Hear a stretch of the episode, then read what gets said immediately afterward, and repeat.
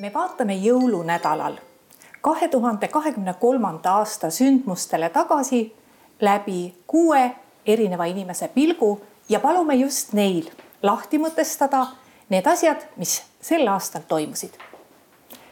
minu tänane vestluskaaslane on endine diplomaat ja ajakirjanik Harri Tiido.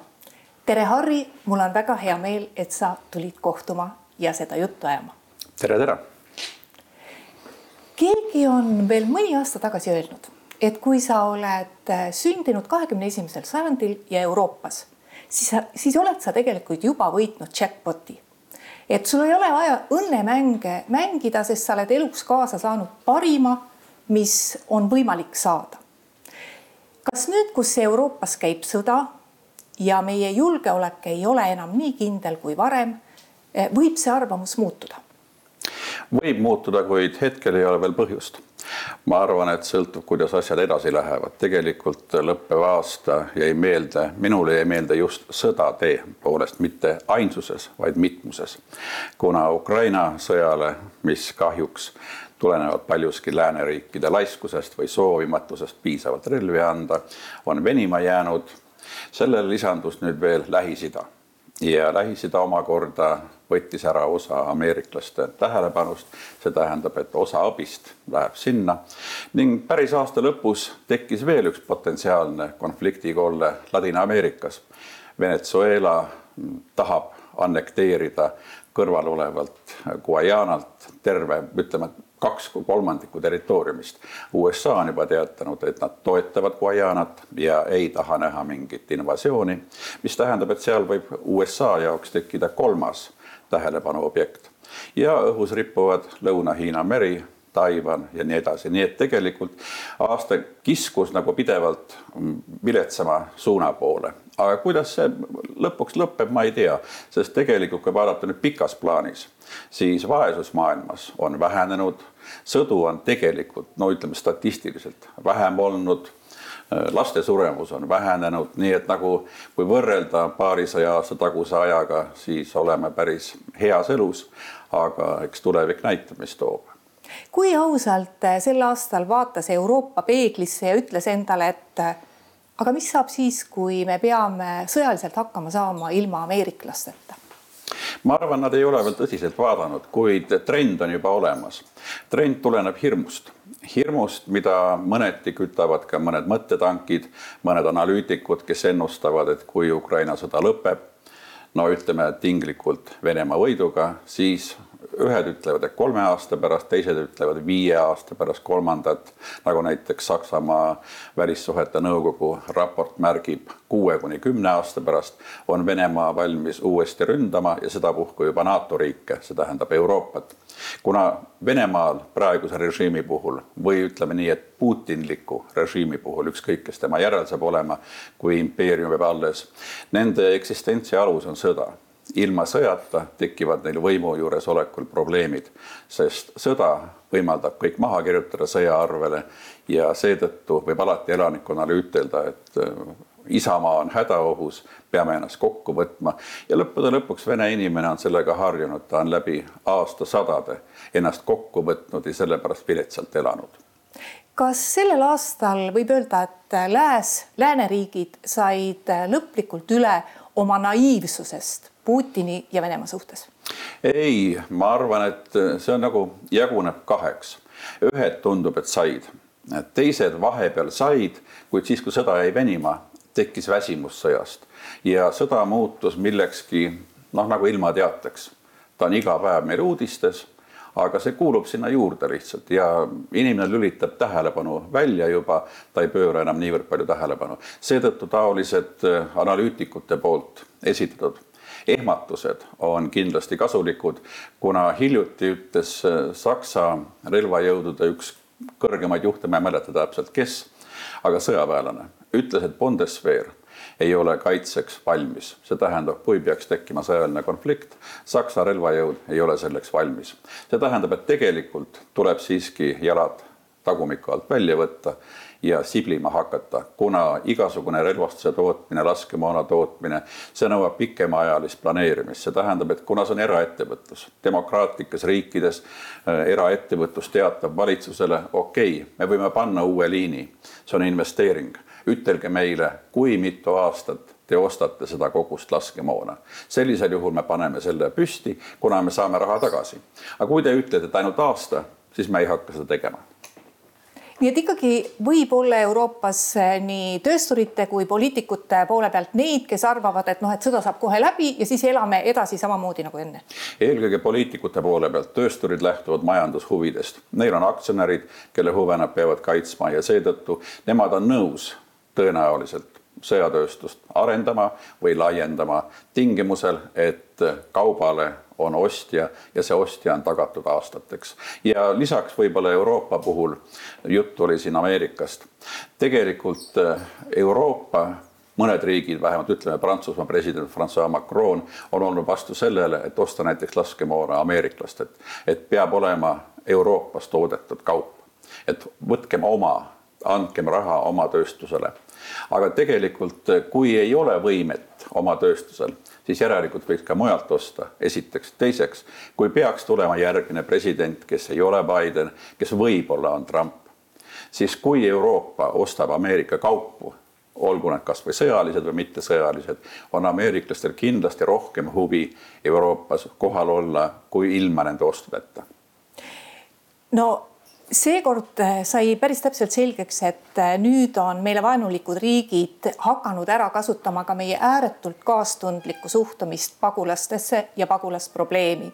no Soome näide oli väga hea, sest pildid, mis sealt olid, olid ju toredad, vaesed mustanahalised inimesed külma ilmaga, lumeanges, jalgratastega äh, see enam ei mõju, sest seekord äh, isegi inimõigusorganisatsioonid minu meelest ei hakanud väga seisma Soomele vastu, kui Soome otsustas kõik piiripunktid kinni panna. jah, ma jagaksin selle teema jälle kaheks üks on see, mis oli Soome piiril. see on põhimõtteliselt samast rubriigist, nagu oli Valgevene, Poola, Valgevene, Leedu piiril, on olnud ka Läti piiril. see on hübriidoperatsioon, see on üks asi. aga teine asi on migratsioon kui selline kui me võtame kliimamuutusi, siis kliima kõige rohkem muutub, eriti temperatuuri osas, ekvaatorist ütleme mõlemale poole. ja need alad muutuvad võib-olla lähemas tulevikus elamiskõlbmatuks. kui me vaatame, kus kõige rohkem sünnib lapsi, see on Niiger, mis on Aafrikas. ühesõnaga, Aafrika on see koht, kus elanikkond kasvab jätkuvalt, meil väheneb, neil kasvab ja kui neil ei ole enam eluruumi, ei ole tingimusi elamiseks, nad lähevad liikvele. kuhu nad lähevad? interneti kaudu on kõigil teada, et Euroopas on parem, kliima on parem, riigid on rikkamad, antakse toetusi ja nii edasi, mistõttu on loomulik, et inimene mõtleb iseendale, mõtleb oma perekonnale ja tema eesmärk on jõuda sinna, kus on parem me ei saa seda talle ette heita. teine küsimus on siit jälle see, mida ta hakkab, mida hakkab Euroopa tegema, kuna näiteks moslemiriikidest tulevad pagulased toovad endaga kaasa omad reeglid, nii nagu näiteks välismaale läinud venelastest palju on endiselt nii-öelda õigeusu ja Vene impeeriumi poolt. nii ka need inimesed on endiselt moslemi usku ja nad ei taha koha, kohalikku, kohalikke kombeid omaks võtta. Nad tahavad peale suruda oma kombeid, eriti kui neid on palju ja nad elavad eraldi community tes. no meil ütleme niimoodi, meil moslemeid eriti palju ei ole ja paljud neist on viina joovad moslemid, nagu neid nimetatakse, ehk nõuk-, nõukaajal tulnud kuskil Kesk-Aasiast. Nendega on vähem probleeme, aga seda peavad riigid arvestama ja arvestama arvestavad, sest praegu isegi Taani, mis oli äärmiselt liberaalne, on muutnud väga rangeks oma immigratsioonireeglid. see on paratamatus, sest ka jänes näitab hambaid, kui ta nurka suruda ja järelikult ka needsamad liberaalid, suur osa neist või ütleme, need vasakliberaalid, kes toetasid immigratsiooni, need hakkavad rohkem mõtlema, et nad tekitavad rohkem probleeme kui see, kui, kui see nii-öelda rahuldust meile, et me oleme täitnud oma humaanset kohust no see oli aasta, kus äh, anti Ukrainale väga selgelt mõista, et neist võib saada Euroopa Liidu liige ja neist võiks isegi saada NATO liige. Äh, see on väljaütlemine, mille realiseerumine on tõenäoliselt üsna kauges tulevikus. raske öelda, sest tegelikult see on poliitiline otsus aga Ukraina jaoks, Ukraina tegelikult praegu teeb reforme päris usinalt ja kuna reformid paradoksaalsel kombel, nii nagu meilgi omal ajal NATO-sse ja Euroopa Liitu minnes. Need reformid on samad Euroopa Liidu jaoks ja NATO jaoks. see tähendab näiteks Euro- või Ukraina puhul kõige rohkem räägitakse korruptsiooniks, korruptsioonist. tegelikult on neil võib-olla hoopis rohkem praegu juba tegemist kvalifitseeritud tööjõupuudusega tulenevalt sõjast. aga korruptsioon on selline, mida on hea näidata. meenutagem kas või Ungari peaministri Viktor Orbanit kes on ütelnud, et äh, Ukraina on maailma kõige korrumpeerunum riik ja seetõttu me ei saa teda Euroopa Liitu kutsuda. nii et kusjuures enne seda rääkis ta, et Ukrainas diskrimineeritakse vähemusi ehk siis ungarlasi, kuid kuna ukrainlased muutsid seadusandlust, lõppes see argument otsa ja järgmisena võttis Orban ette selle korruptsiooni ja me peame arvestama, et Ungari on nii Euroopa Liidu kui NATO liikmesriik. Slovakkia on läinud sama teed peaminister Fico juhtimisel. võib-olla mõni riik veel, me ei tea, milline saab olema tulemus näiteks Hollandis arvestades hiljutisi valimisi. nii et, et meil on nii-öelda partnerid laua taga kes võib-olla põhimõtteliselt on mõningatele asjadele vastu.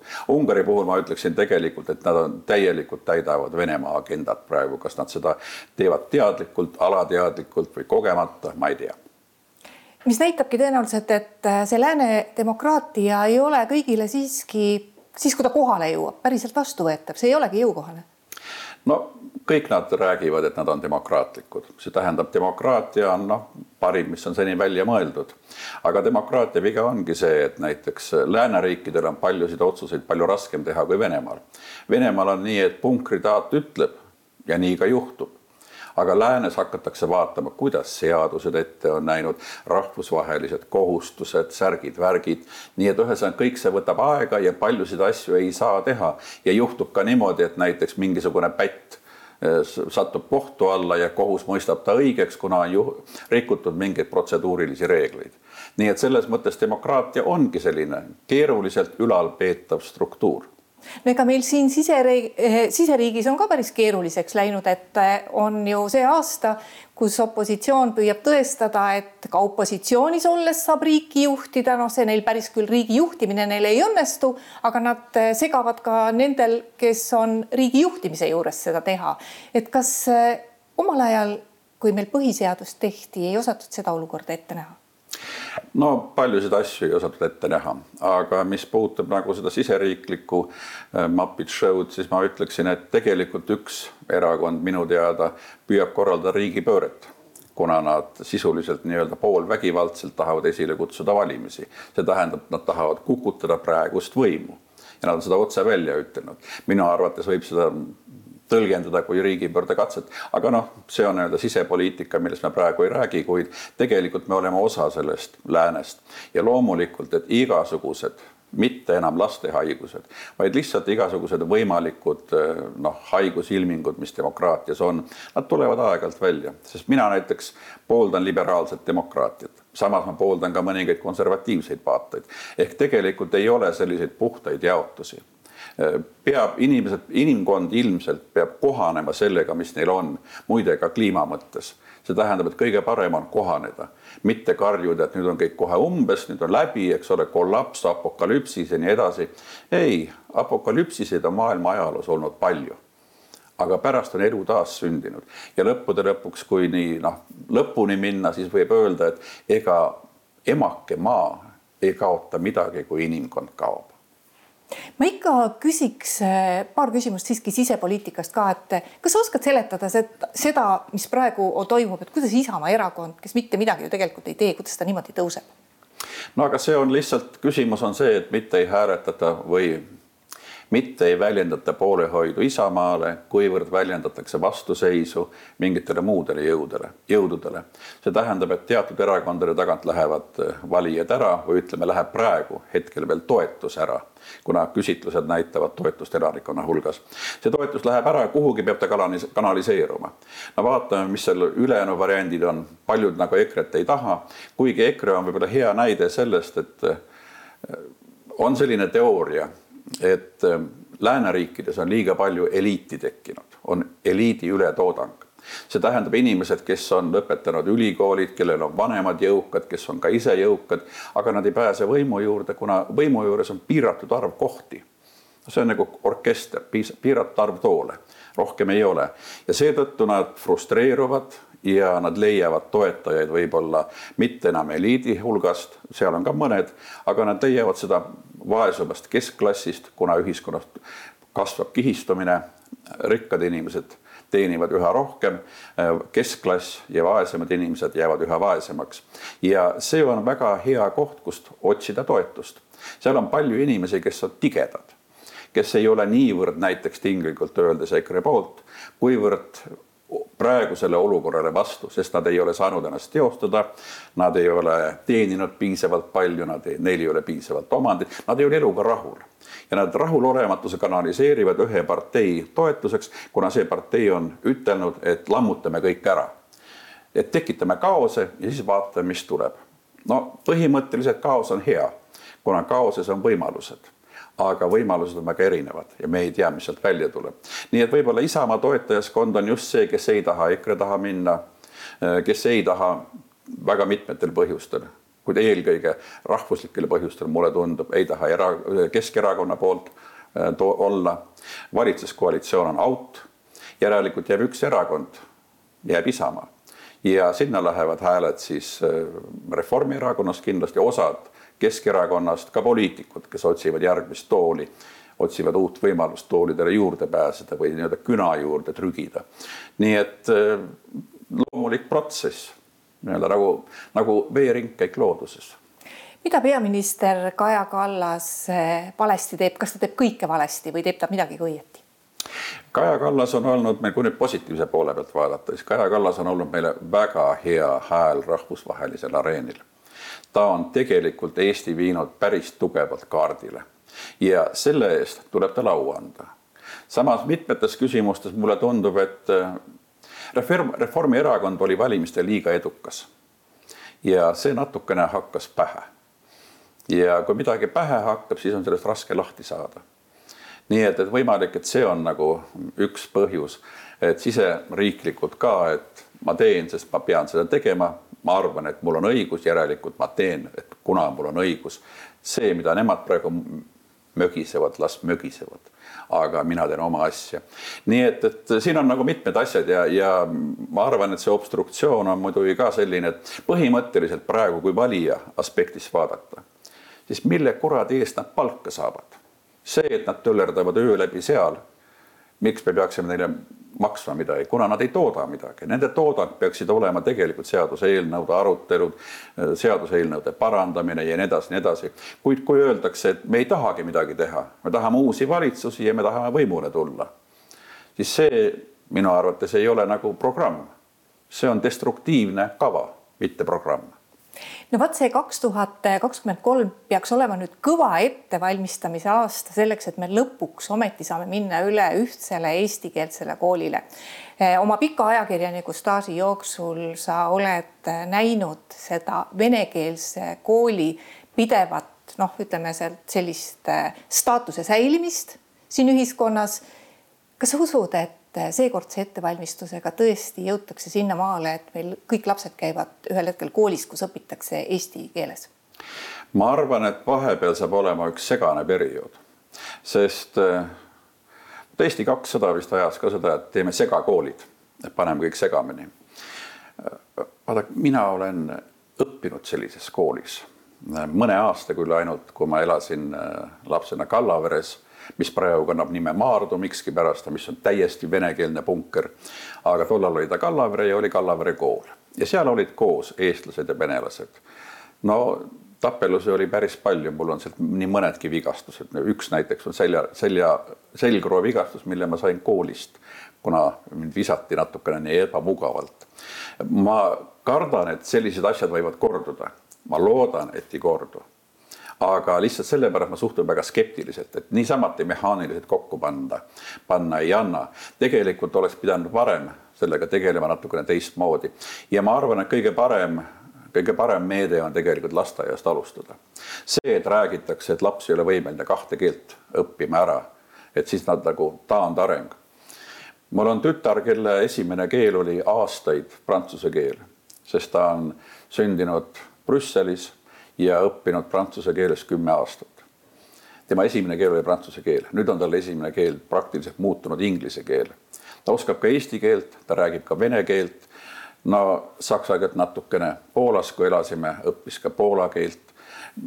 ma ei ütleks, et ta oleks taandarengu all kannatanud, tal on väga head hinded nii et, et tegelikult, kui panna inimene või noh, mitte inimene, laps, kes on ka inimene, aga panna väike inimene keskkonda, kus on teine keel, siis ta lihtsalt võtab selle omaks. mina olen niimoodi ära õppinud soome keele, ma ei ole kunagi soome keelt õppinud, ma olen soome keele omaks võtnud televiisorist, raadiost ja lugedes.